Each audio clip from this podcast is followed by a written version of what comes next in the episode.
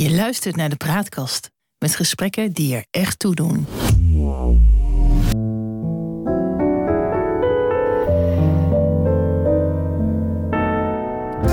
Welkom bij de Praatkast.nl. Dit is een aflevering van het Geheugenpaleis. Mijn naam is John Knierim en samen met Anne van der Horst maken we deze podcast. De geschiedenis die herhaalt zich nooit, maar rijmen doet hij vaak wel. En dat gegeven gebruiken we in het Geheugenpaleis om dieper in te gaan op de actualiteit. Zo gaan we aan de waan van de dag voorbij en bereiken we de kern van het nieuws. We scheppen orde in de maalstroom van berichten die het zicht op de grote lijn belemmeren. We ontdekken wat werkelijk belangrijk is en ondertussen blijkt dat de werkelijkheid vaak genoeg elke fantasie te boven gaat. In Iran is het al weken onrustig na de dood van de 22-jarige Masha Amani. En zij overleed nadat ze door de politie was gearresteerd omdat ze haar hoofd niet bedekt had. Ja, ja.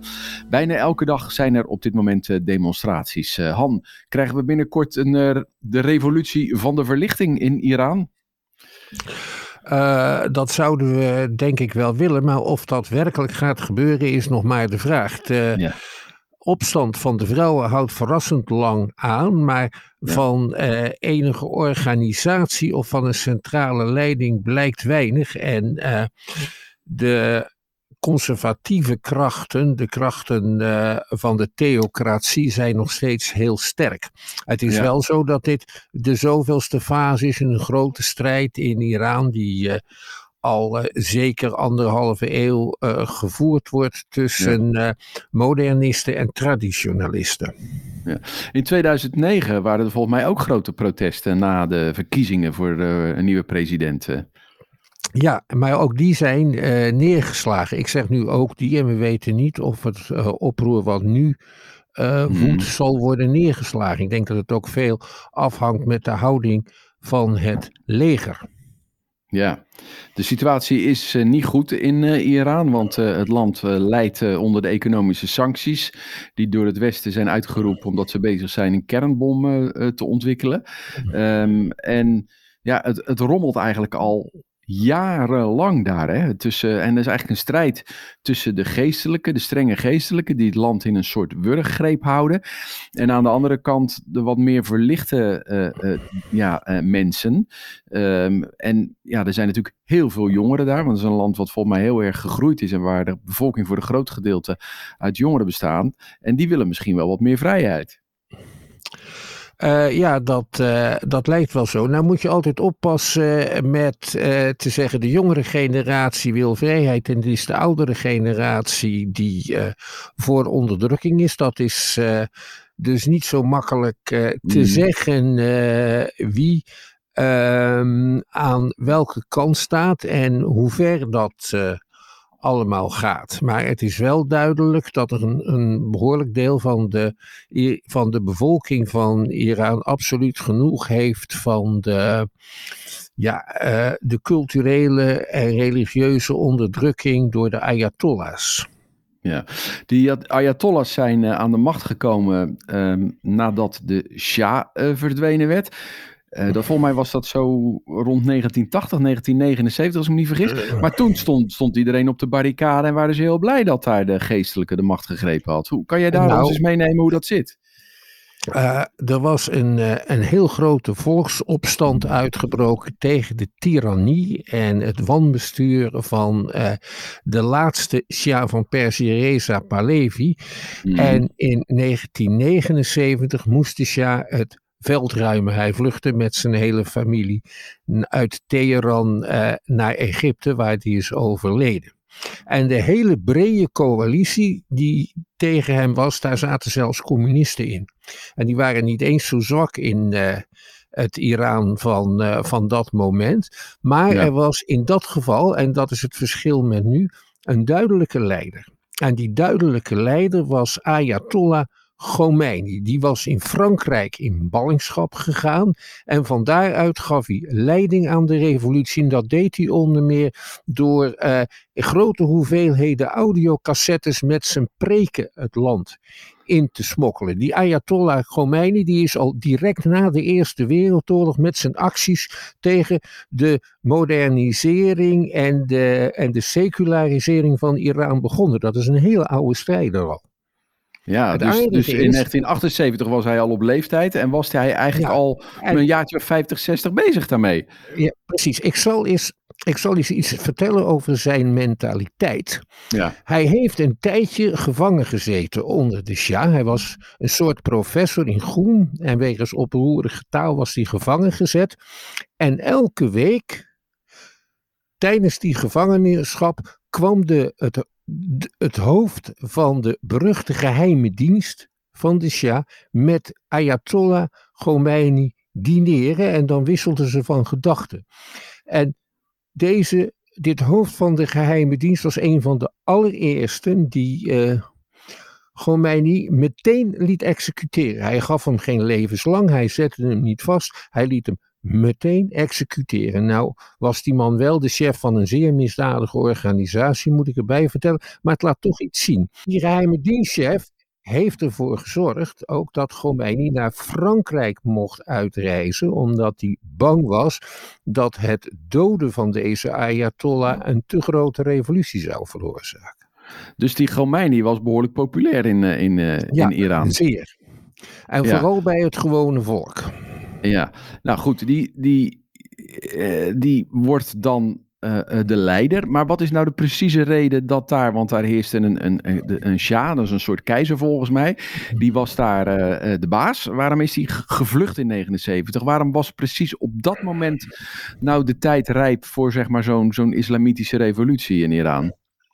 Uh, vanwege, vanwege zijn wanbeleid en vanwege het feit dat de olieinkomsten van Perzië, die na de oliecrisis heel erg groot waren, alleen hmm. ten uh, goede kwamen aan een elite die het heel breed liet hangen opeens en niet aan de Iraniërs in het algemeen. En ook omdat de bazaar, dat zijn de kooplieden, de zakenlieden, de hogere hmm. middenstand, gemene hmm. zaak maakten met de islamisten, omdat ze dachten dat ze daar uiteindelijk meer profijt van zouden trekken. En ik zeg nog steeds, de opstand, die was, dat was een hele brede coalitie. En zo de Ayatollah Khomeini landde in Teheran. Die werd daardoor honderdduizenden mensen begroet. En die is meteen begonnen om zijn bondgenoten uit te schakelen. Tot alleen zijn aanhangers nog over waren. En daarna is hij ook nog een buitengewoon bloedige oorlog begonnen. Nee, dat is niet waar. Hij is aangevallen, maar hij heeft een buitengewoon bloedige oorlog gevoerd tegen Irak ja. Dus hij was heel calculerend uh, bezig. Hij heeft in, het, uh, in de aanloop naar die revolutie een verbond gesloten met uh, wat later zijn tegenstanders werden. Maar ja. was blijkbaar zo populair, met name ook onder universiteit herinner ik me, had hij grote aanhang. Hè? Ja, en een aantal van de studenten heeft daar een diep spijt van gekregen. Ja, dat kan je wel die zeggen. Werden, want, die werden ja. onderworpen aan het regime van, Ayat, van Ayatollah Khomeini, die een een, een politiek ideaal had, de islamitische republiek, waar de sharia heerste en de Shiïtische opvatting van de islam dominant was. Ja, nou dat is hem behoorlijk gelukt dan. En dat is hem totaal gelukt. Ja, hij heeft daar niet zo lang van kunnen genieten, want hij ging vrij snel dood volgens mij. Ja, na een jaar of tien al. Maar het was natuurlijk al een hele ja. oude man. En toen is hij ja. opgevolgd door zijn tweede man, Gamenei. En wat en is zit er nog positie? steeds. Die zit er nog steeds. Wat is hij? Ja. Hij is de opperste leider. Want um, Iran is een godsstaat. Dat heeft een parlement, het heeft presidentsverkiezingen, alles wat bij een democratie hoort. Maar, maar boven die parlement ja. en de president staat de opperste leider. Die krijgt de steun van de Raad van Hoeders, van twaalf geleerde uh, theologen, waarvan hij de helft zelf mag benoemen. En die bepalen welke wetten doorgang mogen vinden. En ook wie er zich kandidaat mogen stellen voor het presidentschap en Mhm. voor het uh, parlement. En dat doen ze op theologische gronden. Of ze wel zuiver genoeg zijn op hun Shiïtische graad. Dat is wel een heel ingenieus uh, um, ja, uh, manier van de staat inrichten eigenlijk. Want het lijkt democratisch, maar in die end is het het toch niet. Nee, want er is een controle van God. En die wordt dan belichaamd uh, door de Ayatollah ja, die uh, in charge die is. Zeg weten, maar. Die weten namelijk wat God wil. Ja, ja. En de rest weet dat niet. Ja. ja, dat lijkt wat dat betreft erg op de katholieke kerk, de manier waarop het is ingericht. Um, maar ja, al met al uh, kwam het erop neer dat dat land op een hele streng islamitische manier uh, geleid uh, werd. De sharia, de, de, de, het wetboek van de islam, is daar eigenlijk ja, het leidende rechtsprincipe. Um, en ja, daarmee hebben ze toch heel lang goed kunnen uithouden daar in Iran. Of, of begrijp ik dat verkeerd? Nou, behoorlijk goed. Uh, Iran heeft zich uh, nadat Khomeini aan de macht was gekomen, onmiddellijk tegen het Westen gekeerd. Uh, Heel spectaculair begon dat met een langdurige gijzeling van het Amerikaanse ambassade. Personeel. Um, De politiek van Iran is uitermate scherp tegen Israël uh, gericht. En wat Iran ook doet, is Sjiitische minderheden in de rest van het Midden-Oosten actief steunen. Um, dat heeft onder meer geleid tot, die een, tot het uh, bewapenen van Hezbollah, hè, de grootste vijand op het moment uh, van Israël. En de steun aan uh, president Assad van Syrië, want die Assad die beleidt ook een soort Shia-variant. Ja. Um, en ze zijn zeer invloedrijk geworden in uh, Irak na de val van Saddam Hussein. Omdat daar een grote Sjiitische minderheid uh, ook leefde. Nee, er is een Sjiitische meerderheid, maar die is okay. altijd door een Soenitische uh, minderheid. minderheid. onderdrukt. En de laatste okay. vertegenwoordiger daarvan was Saddam Hussein. Saddam.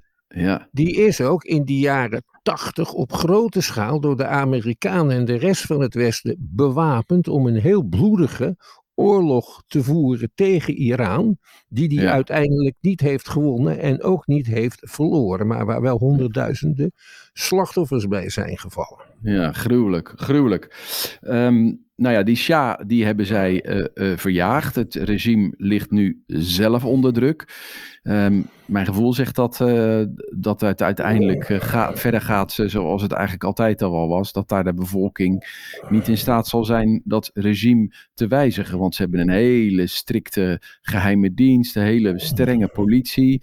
Um, ja, het is echt een sprake van volgens mij een nomenclatuur daar die de macht heeft. Er is veel corruptie. Het is gewoon weer een in- en in triest regime natuurlijk. Aan de andere kant is het ook een, uh, een regionale macht. Hè? Het zijn Shiiten ja. en hun grootste vijanden zijn behalve de Amerikanen bijvoorbeeld de Saoedi's. Want, Want dat zijn Soenieten. Dat zijn Soenieten. En die ja. Soenieten die hebben ook weer een, in binnenlands een Shiïtische minderheid. En die woont toevallig op de plekken waar de meeste oliebronnen zijn. Ja, in de buurt van de Perzische Golf. Nou, even terug uh, naar die, uh, de Shah. De Shah van Perzië, zo kennen we hem.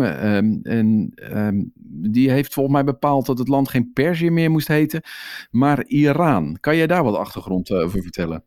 Hij heeft min of meer ernaar gestreefd dat het buitenland het niet langer Perzië zou noemen, maar Iran. De naam ja. Iran is al aan het land gegeven door de Sassaniden. Dat is een Perzische koningsdynastie die heerste in de, nou zo vanaf uh, 250 tot uh, na Christus tot de komst uh, van de legers van Mohammed.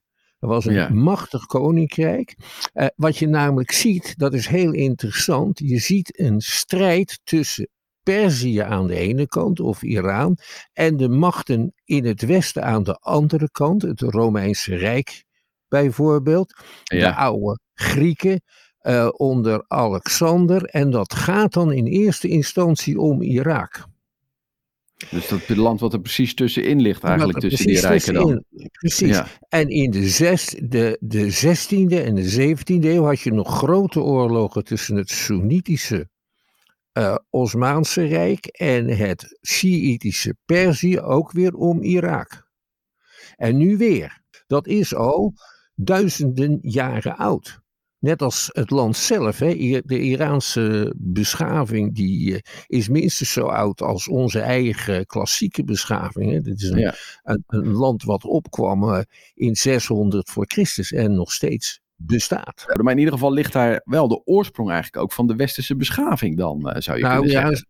Zo'n beetje wel, ja. Ja, dus we zijn wel een soort schatplichtig dan uh, aan, de, de, Zeker. Aan, aan, aan dit land met een hele rijke uh, cultuur. Een zeer rijke cultuur en, die, en dat heeft ook zeer lang aangehouden. Hè, want in het Ottomaanse Rijk, Ja. daar was tot, tot dik in de 19e eeuw, was Persisch, dat was de taal van de cultuur en de gedichten en van de beschaafde mensen. Dus toen later pas is dat verdrongen door het Frans.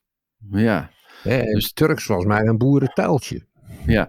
Maar het was toch wel zo dat dan die Ottomanen de, het overwicht hadden daar in dat Midden-Oosten daar? Of zie ik dat verkeerd? Nou, hun rijk was heel groot. Dat strekte zich uit van, eh, nou, van Budapest in zijn grootste omvang tot aan eh, Jemen, tot en met Jemen. Ja, Hè, maar ja, Perzië, dus Iran, is al is vanaf eh, 1500 ongeveer en ook een machtig rijk. Toen kwam er voor het eerst een dynastie van Shahs aan de macht, die het, ehm, het de Shia omarmd hadden. Het waren trouwens oorspronkelijk van Turks-Koerdische afkomst, die dynastie. ja. En die Koerden worden nu onderdrukt in Iran. Dat is dan ook wel weer wrang eh, natuurlijk, ja. Wel, Ja. het, eh, het, we zijn, dus het is een veelvolkerenstaat, eh Ja. Iran. Maar ze beleiden wel bijna allemaal de Shia. Ja. En dan ook nog dezelfde variant van de Shia, van het Shiïs, van de Shi, ja, want je hebt verschillende soorten Shiiten. Het lijkt de protestantse kerk wel, joh.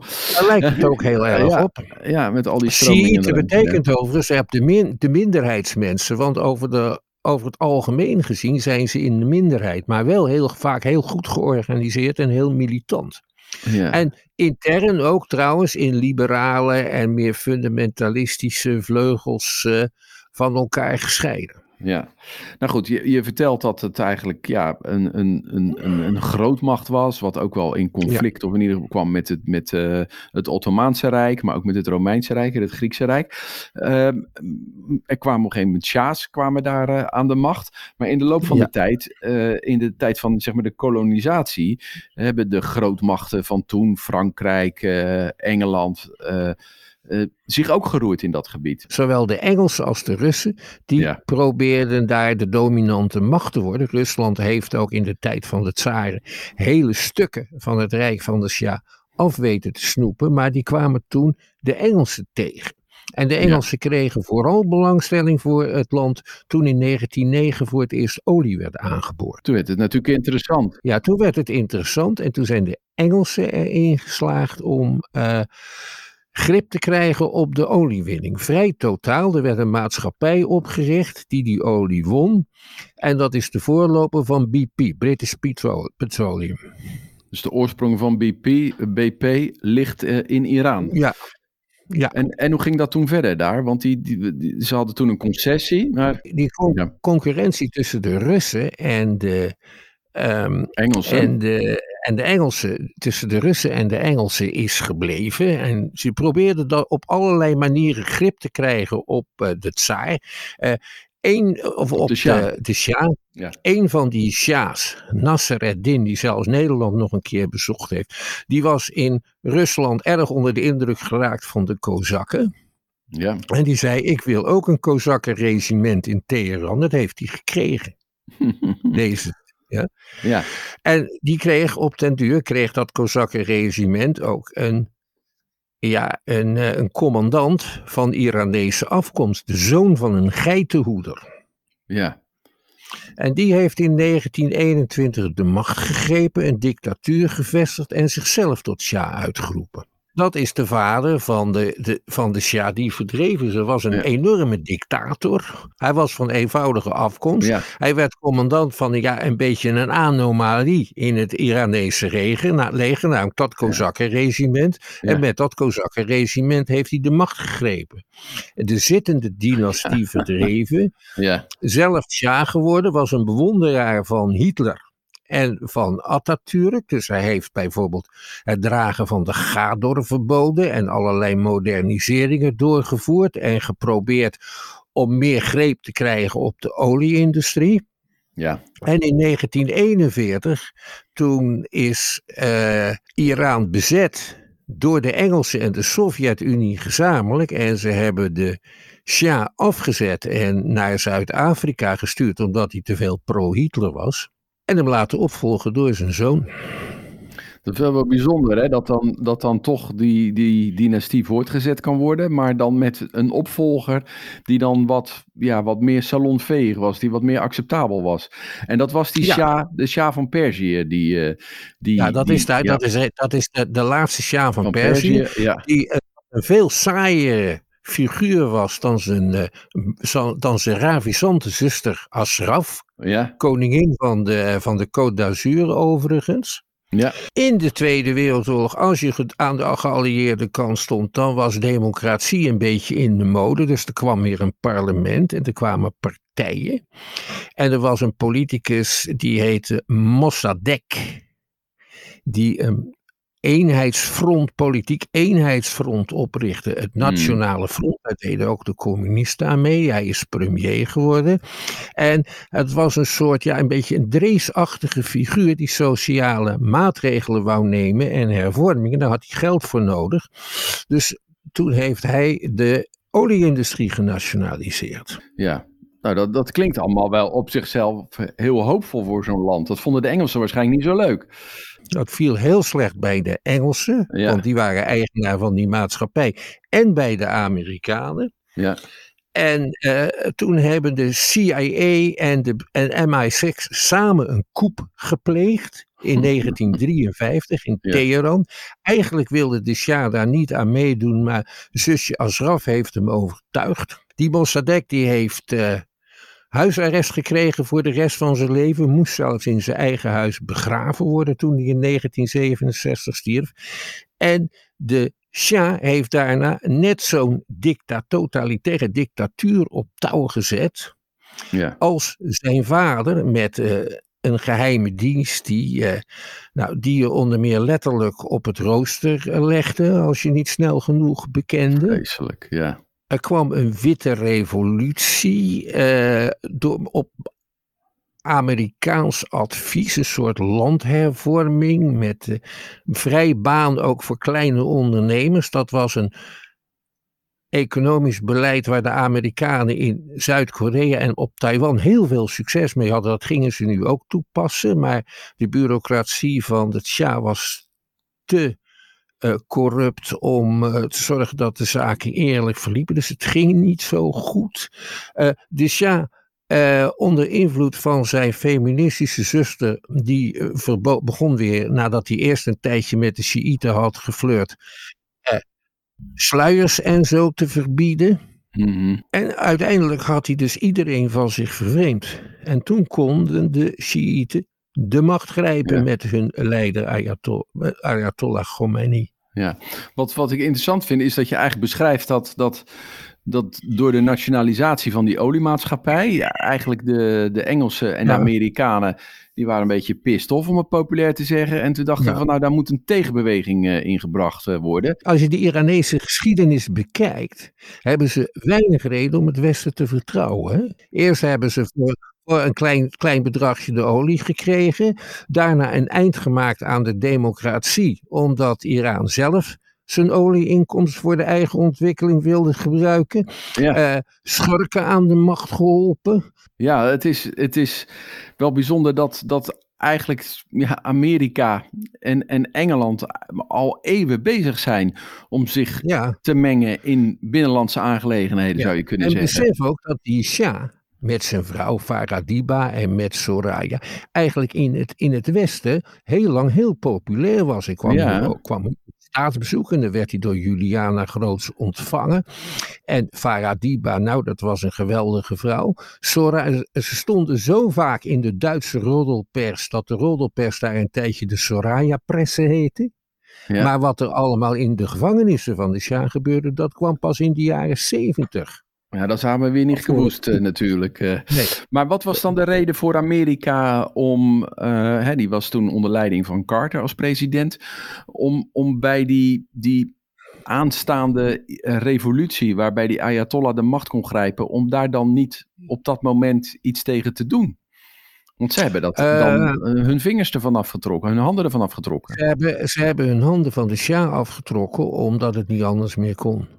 Het ging allemaal veel te ver. De Shah had wel steun gekregen van Nixon. Ja. Uh, en waarom? Omdat de Shah ervoor gezorgd heeft dat de OPEC niet meer onderhandelde over olieprijzen, maar die voortaan eenzijdig zelf bepaalde. En daar was Nixon een voorstander van, omdat hij hoopte dat de Shah wapens zou bestellen in Amerika. Dat heeft hij ook gedaan voor 10 miljard dollar met de olieopbrengsten. Ja. En Amerika zelf heeft voldoende eigen olie, zeker in die tijd, om, uh, ja, om dat niet zo erg te vinden. Ja, de, het Westen heeft daar een hele bedenkelijke rol eh, in uh, vervuld. En dan vind ik het altijd zo bijzonder, hè, dat dan, ik, ik ben geen Poetin-versteer, begrijp me niet verkeerd. Maar van Poetin accepteren we dat allemaal niet, dat gedrag, zal maar ja, zeggen. Het is, en het is heel merkwaardig dat er nu trouwens een vrij goede relatie is tussen Iran Ja. en, en, en Rusland. Ja, want van de Russen hebben ze toch ook de nodige last gehad. Tot, ja, uh, in negen, tot 1947 heeft Stalin een heel stuk van, uh, van Iran bezet laten houden, bijvoorbeeld door het Rode Leger. En ze zijn daar pas vertrokken nadat de Verenigde Staten dat, uh, dat hadden geëist. Dus dat is eigenlijk ook een imperialistische macht, waar, je, waar Iran door fijn geknepen had kunnen worden. kunnen worden, ja.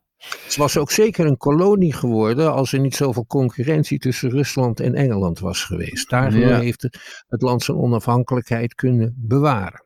Ja, nou dat heeft het nu nog steeds. Het voert een eigen koers, ontwikkelt een atoombom. En bezig met, eh, met, met kernenergie. En men zegt Ja. de risée van de wereld werd ook wel door, eh, door Bush volgens mij eh, de as van het kwaad genoemd. samen met Korea, eh, Zuid- eh, Noord-Korea. Ehm, het is een land eh, waar, ja, waar we het Westen, waar we niet zoveel van moeten hebben. Waar we ons een beetje zorgen over maken. Het is een heel onvoorspelbare speler, dat is punt 1. En punt 2, je moet er rekening mee houden dat ze in hun directe omgeving veel vijanden hebben. Ja, Want het is ook een land dat een soort internationaal, een soort ware leer verkondigt. Het is ook Ja. een van de landen, zelfs met een soort eh, eigen eh, CNN-achtige, in de hele wereld te ontvangen tv-zender. Die heet Press TV. Hij is in Europa van de satellieten gehaald, maar in de rest van de wereld eh, te zien. Dus ze Ja. hebben een woord voor de wereld. Net als Ja. Rusland trouwens, en net als wij. En de BBC ook natuurlijk met zijn World Service Ja, ja. en Voices of America. Ja, Ja. nou, ehm, we blijven het volgen de komende eh, eh, tijd, wat er gaat eh, gebeuren. Ja, ik heb niet veel vertrouwen in dat daar iets gaat veranderen. Daarvoor heb ik te veel, ja, denk ik dat het regime gewoon toch te sterk is. Ik weet niet hoe jij dat ziet. Ja, en- ja het, is, het is nog steeds behoorlijk sterk, hoe vervelend dat ook is. En het zijn verder kwaaie tijden. Je ziet overal in de wereld ongunstige ontwikkelingen. Kijk ook maar naar het herst, de, de terugkeer van het echte totalitarisme in, eh, in China. Wat op de duur heel negatieve invloeden toch moet hebben over, op de ontwikkeling van de economie daar. Ja, Maar dat is gewoon weer een ander verhaal. ja, Dat zijn allemaal, allemaal heel- we, we leven in een tijd met heel vervelende, nare verhalen. ja. Nou, dus geen optimistisch einde van eh, deze Nee. eh, podcast. We moeten het hierbij laten. Deze aflevering van het Geheugenpaleis. We maken dit in samenwerking met de Praatkast. En de uitzendingen zijn te vinden op www.praatkast.nl. Abonneer je op onze podcast in je favoriete pop- podcast-app. Dan krijg je automatisch een bericht wanneer een nieuwe aflevering online komt. En vertel je vrienden over ons, dan worden we nog beter beluisterd. En als je ons wil mailen kun je een bericht sturen naar info.praatkast.nl. Voor nu bedankt voor het luisteren en tot de volgende keer. Uh, wees toch gelukkig, blijf toch gezond.